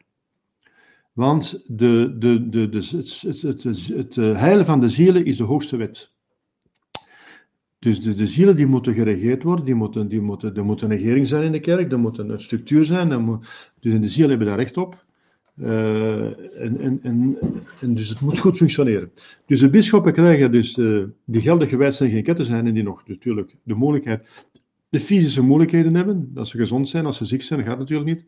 En wel, die, hebben, die zijn eigenlijk diocesane bisschoppen door suppletie, door vervanging. De priesters zoals ik, die ook geen ketten zijn en, en enzovoort, en geldig gewijd zijn en die nog niet ziek zijn, die, die hebben dus eigenlijk pastoors door suppletie en zo verder. Dus um, nu kun je zeggen, ja, maar er is geen conclaaf meer mogelijk. Ah, ja, het conclaaf, wat is dat dan? En wel, dat conclaaf, door het principe van devolutie, dat komt neer op alle bisschoppen die nu nog geldig gewijd zijn en geen ketten zijn, tezamen. Als die unaniem iets beslissen, dan is de, de onderwijzende kerk die is beslist. En als, die, en als dat aanvaard wordt door de ganse kerk, dan, dan kan de kerk zich niet vergissen door de belofte van Jezus. En dan is die persoon paus. Dus er zou een paus kunnen gekozen worden morgen, als al die bisschoppen akkoord zouden gaan die nu geldig gewijd zijn en geen ketten zijn. Uh, dus het macht van conclaaf. Conclaaf dat is eigenlijk dus uh, ja, die, uh, die vergadering van kardinaal die een paus kiest. Want er is nu geen paus. Normaal zou een conclaaf van kardinaal een paus moeten kiezen. Ja, er zijn geen kardinalen meer. En wel, maar een conclaaf is nog altijd mogelijk door het principe van devolutie. Alleen, er zijn ook bisschoppen die dat niet durven en niet willen. En die zeggen, ja, er zijn al genoeg pausen gekozen geweest. En dat zijn natuurlijk antipausen, want er zijn kleine groepjes sedevacantisten die een paus gekozen hebben. Maar dat werkt natuurlijk niet. Want een paar bisschoppen hebben de macht niet om een paus te kiezen. Dus de paus moet aanvaard worden door de hele kerk. En dan pas is hij paus. Dus eh, door de, normaal door de conclaaf. Conclaaf van kardinalen is niet meer. Is niet meer mogelijk. Maar een conclaaf van alle bisschoppen, dat is mogelijk in theorie. Hier zijn nog een paar vragen opgedoken, zie ik. Uh, ziet u een heilige paus die alle ketterijen terugdraait terug op de huidige soort van Petrus komen? Uh, ik zie dat niet, maar de, de heiligen zeggen dat. Dus heel veel heiligen hebben gezegd dus dat uh, met de grote monarch een grote paus zou dus komen. waarschijnlijk Petrus van Maanden zou die heten, Petrus de Romein. en die gaat dus, ja, Normaal, aan de paus komt de zetel van Rome toe. Hè? Of het nu in Rome fysisch is of niet, dat is wat anders. Want je hebt dus eh, de pausen van Avignon gehad. Dat waren echte pausen van Rome. Je hebt er ook valse gehad, maar je hebt ook die pausen van Rome gehad. En die waren niet in Rome, maar in, in, in, eh, in Avignon.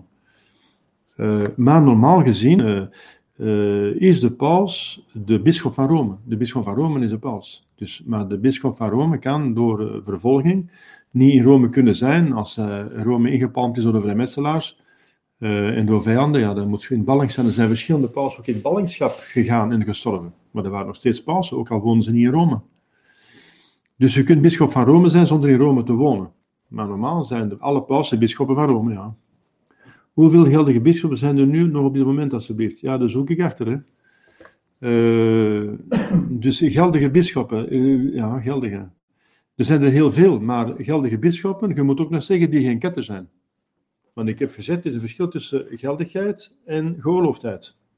Er zijn, ik weet niet hoeveel die geldige bisschoppen zijn. Bijvoorbeeld de Oosterse, de Oosterse schismatieke bisschoppen zijn ook allemaal geldige bisschoppen. Die hebben nog een geldig bisschopsambt, bisschopsleiding. De Oosterse schismatieken hebben nog geldige bisschopswijding. Maar die mogen dat niet doen en die mogen dat niet uitoefenen door het schisma en de ketterij. Dus uw vraag is verkeerd, denk ik. Uw vraag is verkeerd. Uw vraag moet, moet denken dat uw vraag is hoeveel geldige en uh, geoorloofde, dus uh, geldige en goede bisschoppen, dus bisschoppen, katholieke, u moet zeggen katholieke bisschoppen, ja. Niet geldige, je moet zeggen hoeveel katholieke bisschoppen zijn er nog. Want als hij katholiek is, dan is hij bisschop, want als hij bisschop uh, wijding ongeldig is, is hij gewoon geen bisschop. Dan moet je niet zeggen dat een katholieke bischop is, dan is gewoon uh, geen een katholieke gelovige of zoiets, of een priester. Dus als je zegt katholieke bisschoppen, dat is juist. Katholiek, maar dat wil zeggen, ze zijn niet ketters en schismatiek. Bischop, dat wil zeggen, ze hebben een geldige bischopswijding. Dus ik denk dat uw vraag moet zijn, hoeveel katholieke bisschoppen zijn er nu nog op het moment? Is dat zo? Ik denk dat dat uw vraag is. Hallo? Ja. Uh, ze zijn er nog, hè? Ja, ze zijn aan het tikken. Hoeveel katholieke bisschoppen zijn er op dit moment? Ik denk dat dat de vraag is. Ja. Wel, dat is hetgeen ik aan het zoeken ben geweest. Die vraag heb ik mij gesteld vanaf ik uh, dus gevonden heb dat uh, door een ketterij uh, de paus zijn pausschap verliest. Er, is, er is één bischop nabij, er is in, in, in, in Afrika zijn er geen. In Azië zijn er geen. In Australië zijn er geen. in Oceanië zijn er geen. In Antarctica zijn er geen. voor zover ik weet. En ik heb alles echt nagegaan en het zou wonderlijk zijn dat er een is. Dus, ik, ik, heb ook contact met Chinezen, dus in China is er niks meer. Er zijn 1 miljard 300 miljoen Chinezen en ik weet niet hoeveel geloven, maar er is geen enkele geldige bischop meer. En zelfs zijn moeilijkheden om een geldige priester te vinden daar. Wel, er zijn er nog, uh, in Europa zijn er nog. Dus je hebt Monsignor Stuiver hier, toevallig op 12 kilometer hier vandaan. En je hebt nog die uh, zeven katholieke bisschoppen in, uh, in Tsjechië, van de UOGCC. Maar dat zijn Oosterse katholieken die gezegd hebben, je moet een beetje je plan trekken met je, met vormsels en zo. Uh, wij hebben een ander ritus, dus trekt uw plan eigenlijk. ik heb dan, ik, we zijn naartoe gereden, ik heb met Robin naartoe gegaan, we hebben ermee gesproken. Dus zijn nederige mensen, zo, heel diepe indruk. Dat zijn mensen die uit de vervolging komen van het communisme. Heel nederig en gelovig en zo, en voorzichtig, en ze, ze zijn op de hoogte van de hele crisis. Uh, en, uh, maar zeggen, wij kunnen u niet helpen, want je hebt een andere ritus. Dus, uh, dus we hebben eigenlijk alleen Monsignor Stuiver, die geldig gewijd is en nog geen ketter is. Omdat zijn overste een, een, ketter is eigenlijk, is een halve ketter, maar het is geen ketter. Dus hij is een katholieke bischop. Dat is de enige die ik ken. Er zijn veel bisschoppen die rondlopen, uh, die uh, bijvoorbeeld Monseigneur Charef in Frankrijk. Ah ja, ik vergeet Monseigneur Datessen. Datessen, Monseigneur Datessen is gewijd door Monseigneur Tuk, en die is dus geldig gewijd, en die is, die, heeft, die is katholiek, maar die heeft gezegd dat hij niks meer doet. Hij is te oud, hij kan niks meer. Hij is en ziek en hij doet niks meer. Dus je hebt ook nog Monseigneur Datessen in Toulouse, je hebt, uh, ja, Monseigneur Ricardo, die, ja, dat is twijfelachtig, want die is gewijd door die een antipaus van met Palma de Troja. Uh, Monseigneur is gestorven. En die kon niet bewijzen dat hij, dat bischop was geweest, want die was gewijd door Inlica in het geheim. En die papieren, er waren geen papieren van. Dus die bisschoppen door hem gewijd zijn Monseigneur Charef in, uh, in, in, tegen Monaco en Monseigneur French in Londen daar. Uh, die kunnen niet bewijzen dat ze bisschoppen zijn. Dus daar kun je niet meer verder. Die kunnen niet bewijzen. Die hebben, die hebben geen papieren van hun bisschopsvijf. Daar kun je niet meer verder. Dus ik zeg het, dus in Europa, één bisschop eigenlijk, die, uh, dus die, ook die uh, Oosterse katholieken, maar die, die zijn bisschoppen, maar die kunnen, wat de sacramenten betreft, kunnen, willen die voor ons niet, niks doen, want die hebben een andere ritus. Dus Monsignor Stuiver hebben we dan hier. In, de meeste bisschoppen zijn in Amerika. In Zuid-Amerika Monsignor Morello, in Noord-Amerika heb je dus in de United States heb je Monsignor Neville, Monsignor Dolan, Monsignor Sanborn, Monsignor Ramolla. Uh, in Mexico heb je een stuk of twintig bisschoppen. Uh, tien misschien, nee, wat, die van Schettino, Schettino zijn ongeldige, die is een ongeldige lijn. Uh, die is een probleem met een van die, ja, van die bisschoppen die gewijd zijn, de Monsignor Tatessen. En uiteindelijk bleek het een ongeldige wijn te zijn, want die man was een halve vrouw. Dus dat is een heel schandaal geweest. En dat wist ons nu dat testen niet in het begin. Dus, dus er was een, twijfel wat dat een man of een vrouw is. Dus dat bestaat zulke wezens. Uh, wel, dus die bisschop, die daarvan, er zijn een tiental van bisschoppen die daar in Mexico zijn voortgekomen en die zijn dus geen bisschop, of een twijfelachtige bisschop. Je hebt dan toch wel de bisschoppen van uh, Monsignor Kelly, is ook nog in Amerika, Kelly, van de uh, Pius V genootschap. Uh, die zijn met drie bisschoppen. Ja, die heeft ondertussen die bisschoppen gewijd. Uh, die zijn de geldige bisschop, dat zijn katholieke bisschoppen. Uh, je hebt dan in Mexico heb je nog Monsignor Madrigal. Je hebt er, ik weet niet hoeveel nog in Mexico. Da Davila, leeft hij nog? Ja, Davila, Madrigal. In Mexico heb je nog, ik weet niet hoeveel bisschoppen. ja, ik zou die eens gaan bezoeken. Ik ga Monsignor Madrigal. Daar heb ik nu contact mee via Pater Medina. Ik ga contact met Monsieur Madrigal. Ik ga eens een keer met die Mexicaanse bisschoppen contact opnemen nu. Dus. Maar in Europa, in dus, dus ik herhaal het, in Azië niks, in Afrika niks, in Oceanië niks, in Australië niks, in Antarctica niks, in Europa 1 plus 7, 1 uh, Latijnse en 7 Oosterse katholiek. En dan in Amerika heb je de tientallen, uh, uiteindelijk, tientallen. Dat is de situatie. Goed. Eh, ik probeer met allemaal contact te hebben en zo. Ik probeer een lijst samen te stellen, want het is belangrijk wie, wie, wie bischop is. Uh, we zijn nu toch wel anderhalf uur bezig, dus ik ga je stoppen. De volgende keer ga ik het hebben over de onfeilbaarheid van de paus. Dat is heel belangrijk.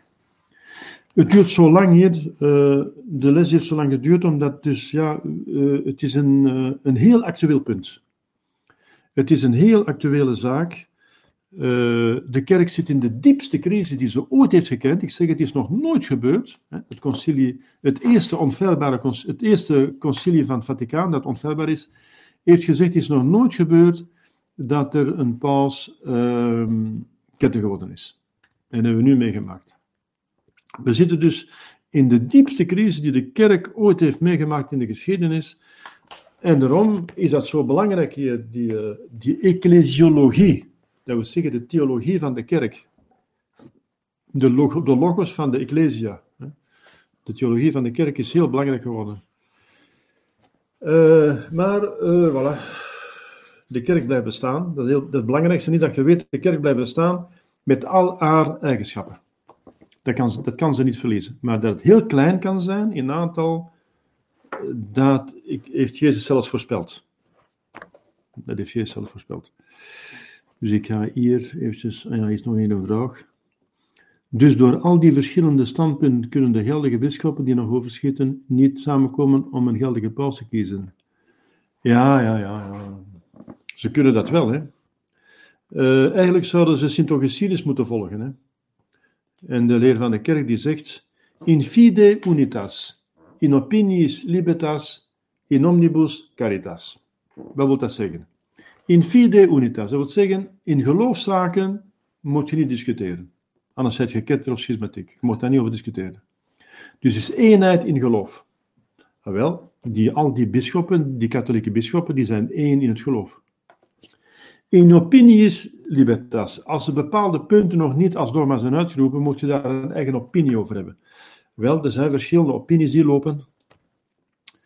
Uh, er zijn verschillende opinies die lopen over, uh, ja, over uh, de situatie van de paus of zo. Wie, en daar wordt veel over gediscuteerd, ja. Voor zover dat het opinies zijn, zijn ze daar vrij in. Tenminste, als er geldige argumenten zijn. In omnibus caritas, wel, als iemand het geloof aanvaardt, en waar hij een afwijkende opinie over heeft, dat is inderdaad geen geloofspunt, maar dat mag een opinie zijn, dan moet je hem beschouwen als katholiek. Dan moet je hem niet vervolgen, dan moet je hem niet uh, uh, in omnibus caritas, dat wil zeggen, je moet hem vriendschappelijk behandelen als een medebroeder. En wel, moesten alle bisschoppen dat doen, de katholieke bisschoppen? Uh, ja, als ze dat zouden doen, dan zou dat zou wel goed zijn. Hè? Want bijvoorbeeld die, die van Pius V-broederschap, die hebben die bischopswijdingen van Dolan en uh, San Borno ongeldig verklaard en zo. Dus dat is spijtig. Ja, die zitten dan uh, op elkaars kap. Nadien hebben ze het dan nog geldig verklaard. De duivel probeert verdeeldheid te, te, te veroorzaken. Uh, wat ze zouden moeten doen, dat zou goed zijn, dat moeten we voorbidden, dat is dat ze samenkomen. Maar dat kan er niet recht vraagt, eist dat de bisschoppen regelmatig samenkomen in synodes. Dat doen ze niet. Iedereen gaat zo'n beetje de eigen weg Je hebt wel die gegroepeerd zijn, bijvoorbeeld. Uh, je hebt daar uh, een zekere broederschap in, uh, in, in, in, in Mexico. Eh, Trento heet dat. De broederschap van Trento, de verschillende bisschoppen die, die samen. De broederschap ook. De broederschap heeft eh, drie bisschoppen tezamen voor het ogenblik. Maar die zitten al eigenlijk op de helling. Zitten op de helling. Zijn de katholieke bisschoppen? Wel, ze zijn al tenminste semi-ketter, omdat ze al overeenkomsten hebben met Rome. Dus eh, die vallen er eigenlijk al uit. Williamson ook, want Williamson aanvaardt ook eh, Franciscus als paus. hè. En die, eh, die heeft zelfs gezegd, er is geen structuur meer mogelijk in de kerk, dat het geen die al een ketterij is. En die heeft vormsels gaan toedienen bij feneïsten, bij ketters, dus die is ook volledig op het helder vlak. Ehm, ja. Ja. Ik zeg het, als die, al die katholieke bisschoppen samenkomen en eh, eensgezind zijn over een kandidaat die ze als paus aanstellen, dan is hij paus. Want het kan niet zijn dat de kerk haar macht en haar mogelijkheid verliest om zich een hoofd te kiezen. Dan, hebben de, dan, dan heeft ze iets essentieel verloren. Want het pauschap behoort tot de kerk. Jezus zegt, wijd mijn schapen, wijd mijn lammen. Gij zijt de rots, dus gij zijt Petrus. Dus een instelling van Jezus, kan niet vergaan. De poorten der hel zullen haar niet doen vergaan, niet overweldigen. Dus de kerk bewaart zeker en vast de mogelijkheid en ook de macht, en ik zeg zelf de plicht, om zich een paus te kiezen. En dat is volgens mij in theorie heel gemakkelijk. Dat is dat al de katholieke bisschoppen samenkomen in een conclaaf. Dat een vervangend conclaaf is voor de kardinalen. Dus door het principe van devolutie krijgen zij die macht. Omdat er in de kerk niks essentieel kan verloren gaan. En als ze dan overeenkomen over een kandidaat, wie kan dan zeggen dat hij het niet is? Want als hij dan niet paus is, dan vergissen al die bisschoppen zich, dan vergist de ganse kerk zich, dan is de poort al overwonnen en dat kan niet. Dus volgens mij, in principe, is, is de, de, de oplossing van de crisis, de pauscrisis, heel gemakkelijk.